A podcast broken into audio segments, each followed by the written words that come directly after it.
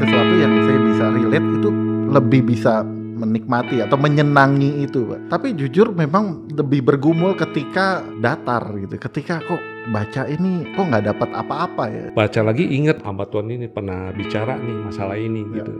Dan memang ya ini proses. Kita udah umur segini gitu ya. Nah, saya khawatirnya tuh anak-anak muda gitu Pak Jim. Saya kepikir ini sih kalau kita nonton film superhero dari Marvel gitu misalnya kan kita kan dipaksa untuk ngerti universe-nya gitu. Nah begitu kita tahu universe-nya ceritanya nyambung.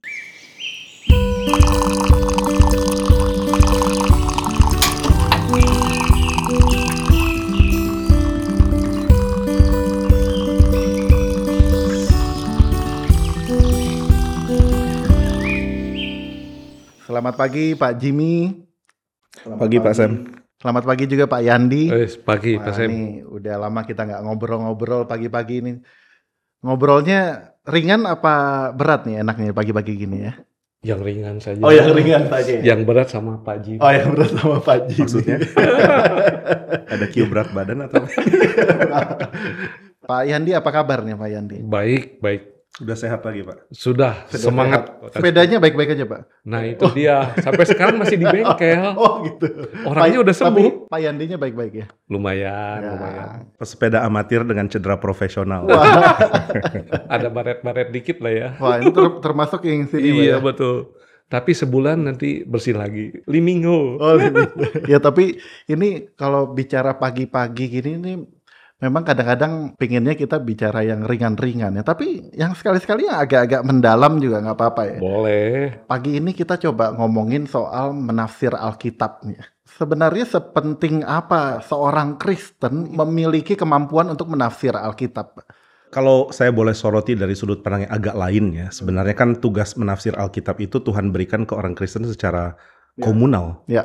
Jadi ya gereja gitu. Jadi satu orang Kristen harus menafsir Alkitab, tapi dia nggak mungkin lakukan itu tanpa ada komunitas penafsir gitu. Hmm. Jadi ada gereja, ada pengajar, ada hamba Tuhan, tempat kita diskusi, bertanya. Ya jujur kita kalau sendiri juga baca Alkitab kadang-kadang ya benar-benar subjektif kita sendiri gitu. Kadang-kadang kalau menafsir Alkitab untuk konsumsi pribadi mungkin nggak ada beban lah.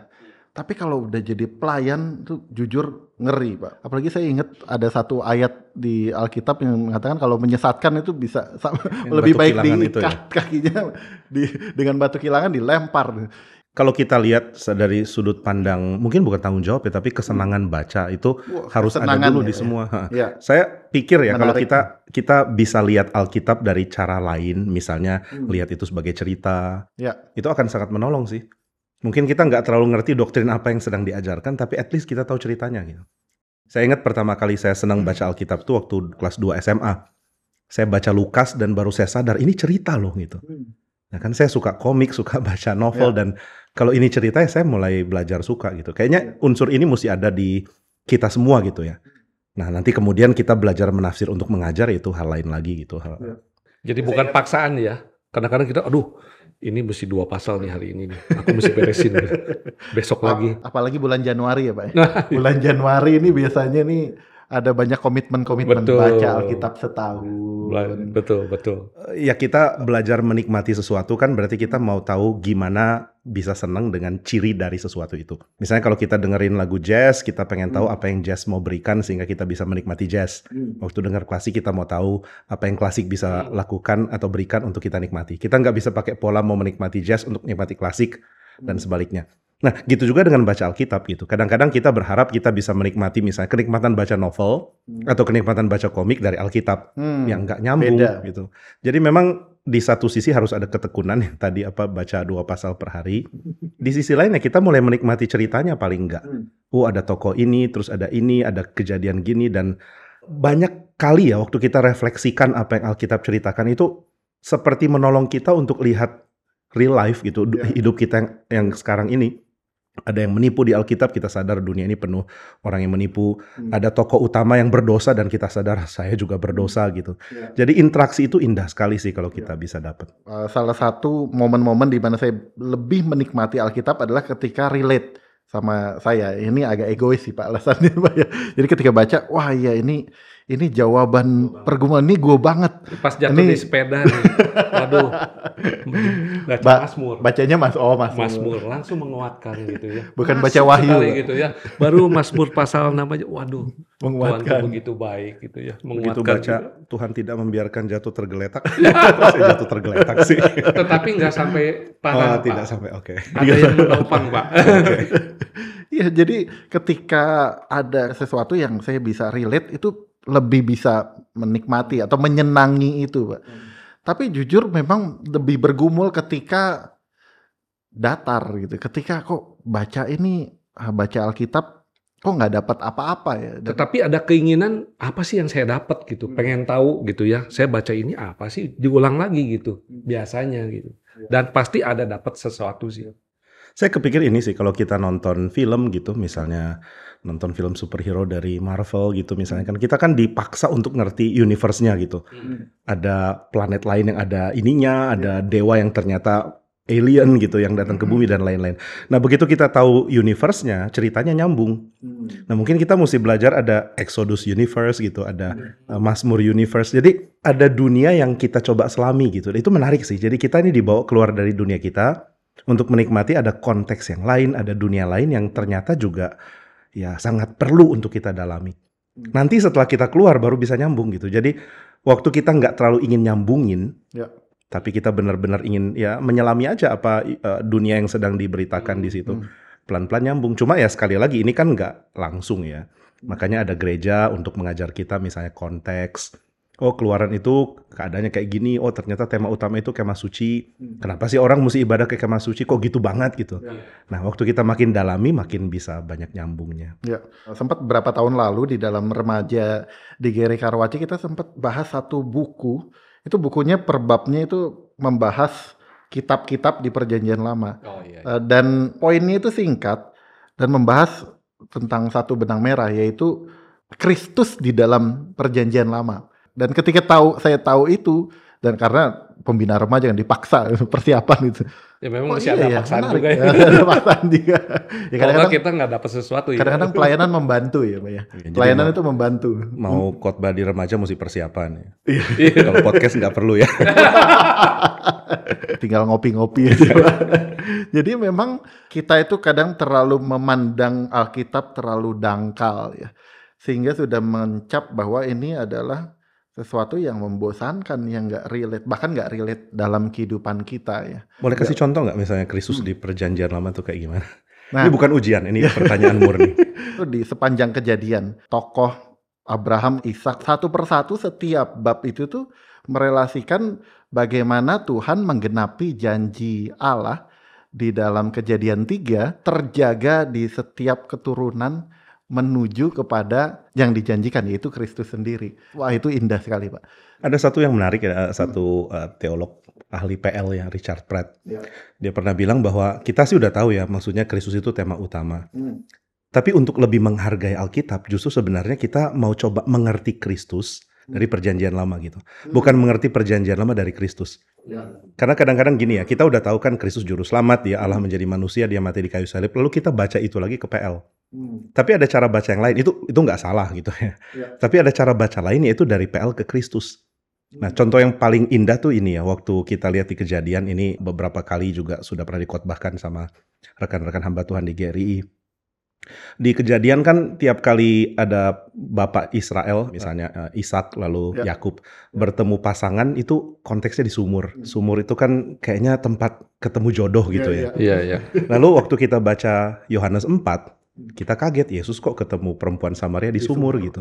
Jadi kan kisah perjanjian lama dibawa ke sini gitu. Hmm. Dan ternyata Yohanes mau bilang bahwa perempuan Samaria ini mewakili kita loh, gereja yang dijumpai Kristus dan dijadikan pasangannya gitu. Hmm. Nah, kan indah ya karena Ya, ya, ya. eh, kita membaca Kristus dari pertolongan perjanjian lama. Saya balik lagi bicara soal komunitas, Pak. Sepenting apa, Pak? Menemukan partner menafsir ya atau tandem ya. Ini Pak Yandi tandemnya siapa nih, Pak? Tandem menafsir. Agak sulit kali ya kalau memang mereka belum maksudnya begini loh. Kayak kita dengan anak remaja aja Hmm. gitu kan. ya Kita menikmati gitu firman Tuhan. Belum tentu anak remaja Ya. itu menikmati seperti kita menikmati baca Alkitab. Mungkin dia lebih suka melalui podcast gitu ya. Dia dengarkan hamba Tuhan bicara apa. Saya ingat pernah suatu hari waktu kuliah, Pak, ngobrol sama seorang teman dan dia biasa menggunakan minyak urapan, Pak. Dia sendiri sepakat bahwa oh ya minyak urapan ini hanya alat. Yang penting imannya. Lalu saya balikin, eh kalau yang penting imannya ya udah ngapain pakai minyak urapan gitu. Wah, itu kita berantem cukup lama, berdebat cukup lama hanya karena poin tersebut. gitu. Lalu saya pikir ini baru baru hal yang kecil. Gimana hal-hal lain dalam kehidupan sehari-hari ya? Ini kita eh, berapa puluh menit berdiskusi ini kita bisa bicarakan banyak hal. Dan saya nggak kebayang kalau kita punya prinsip yang berbeda-beda ini mungkin Kita Ya, punya ya, Pak, KTB gimana, sering diskusi gitu ya. Dan mereka nggak dari gereja kita gitu, di gereja yang lain gitu. Ya. Dan memang malah kitanya yang lebih banyak bicara gitu. Karena mereka sendiri juga nggak terlalu mau mendalam hal seperti itu gitu. Kalau hal yang spektakuler gitu, wahyu gitu, wah seneng dia gitu, wah dia mau tuh bahas, wah ini begini-begini. Nah kitanya yang kedodoran gitu kan, karena kita tidak bisa menafsir wahyu itu berdasarkan apa yang Alkitab katakan seperti itu gitulah, seperti itu loh Pak Jim. Tapi problemnya ini ya, kita selalu pikir bergaul ya kita kumpul, ada komunitas, ada teman. Tapi kita kurang sadar tentang pergaulan antar generasi atau antar zaman gitu. Nah gereja kan nggak baru sekarang ada nih, gereja udah dari dulu. Nah sangat penting sih untuk gereja juga punya dalam tanda kutip ya sahabat yang udah tua gitu. Misalnya kita bersahabat dengan Calvin, dengan Agustinus, yang udah pernah ngomong tentang hal ini kan. Mereka udah pernah bicara tentang apa itu menafsir Alkitab, dan mereka kasih sumbangsi. Nah ini kalau gereja tangkep, lalu gereja bagikan ke jemaat kan langsung tercerahkan gitu. Hmm. Saya lihat sih missnya di situ ya. Gereja jadi sombong dan nggak mau belajar dari masa lalu. harus lewat gereja, Pak. Ya kan kalau saya bilang gereja kan berarti misalnya kalau kita bilang Calvin tulis buku ini kan ada dalam treasure-nya sejarah gereja gitu ya. Hmm. Jadi ya gereja sebagai komunitas lah maksudnya. Kita orang Kristen ini nggak bisa cuman kita doang. Ya. Kita mesti belajar dari pendahulu yang udah nggak ada gitu. Hmm. Ada buku saya lupa siapa yang tulis ya, ini cukup unik judulnya itu membaca Alkitab bersama dengan mereka yang sudah mati. Hmm. Reading the Bible with the dead gitu. Seru juga tuh. Bukan film horor, Bang. Bukan, Bukan. bukan buku horor ya, Pak. Bukan ghost, bukan ghostwriter ya. kita belajar dari orang-orang purita, orang-orang suci yang sudah yang lama duluan ya, yang kita Dan bisa enggak- belajar. Iya, Dan itu nggak kaku kan Pak ya? nggak kaku gimana? Maksudnya terlalu banyak step-stepnya enggak kan? Enggak, justru berlimpah. ya. Misalnya Berlimpah ya. Misalnya tentang melihat misalnya tema perjanjian gitu ya. Misalnya tema perjanjian Allah dengan Israel itu ternyata sama dengan yang Tuhan tuntut dari pernikahan gitu. Jadi pernikahan ini bisa kita bawa dalam hal mengenal Allah juga. Ini kan udah pernah ada yang ngomong dulu gitu. Hmm. Jadi kita tinggal warisi dan nikmatin. Bicara soal pernikahan, ya saya juga menikmati ketika Tuhan memberikan seorang istri yang juga saling membantu untuk menafsir Alkitab. Pak. Saya pun bukan dari lahir di GRII, eh, istri saya justru duluan masuk ke Lahir di Gary. Dibawa sama istrinya ke sini, digiring Pak. digiring Dipaksa awal. Mau nggak pacaran sama gue gitu kan? Saya pikir sama ya, kita senang apa pun kita mau dalami kok. Hmm. Orang hobi perangko jadi ngerti Setuju, Pak. sejarah Indonesia misalnya seperti salah satu jemaat kita. Ya. Terus orang hobi jam jadi ngerti sejarah Swiss atau Ya. apa segala. Nah kan wajar ya kalau orang senang Alkitab dan Ya. jadi ngerti sejarah Alkitab. Ini sesuatu yang ternyata bisa disenangi ya Pak ya. Bukan hanya menafsir Alkitab. Ini tema pagi ini sebenarnya menafsir, Menafsir Alkitab. ya. Tetapi Tapi sudah berubah nih temanya jadi menyenangi. Menyenangi. Nanti berikutnya kita pakai tema menyenangi Alkitab kita bahas menafsir. bisa bisa Pak. Pak Yandi sendiri pernah ketemu kesulitan yang paling sulit dalam menafsir Alkitab apa Pak? Ya banyak lah sampai sekarang. Banyak ya? Banyak. Biar Mazmur pun bergumul juga. bahasa asli kayaknya.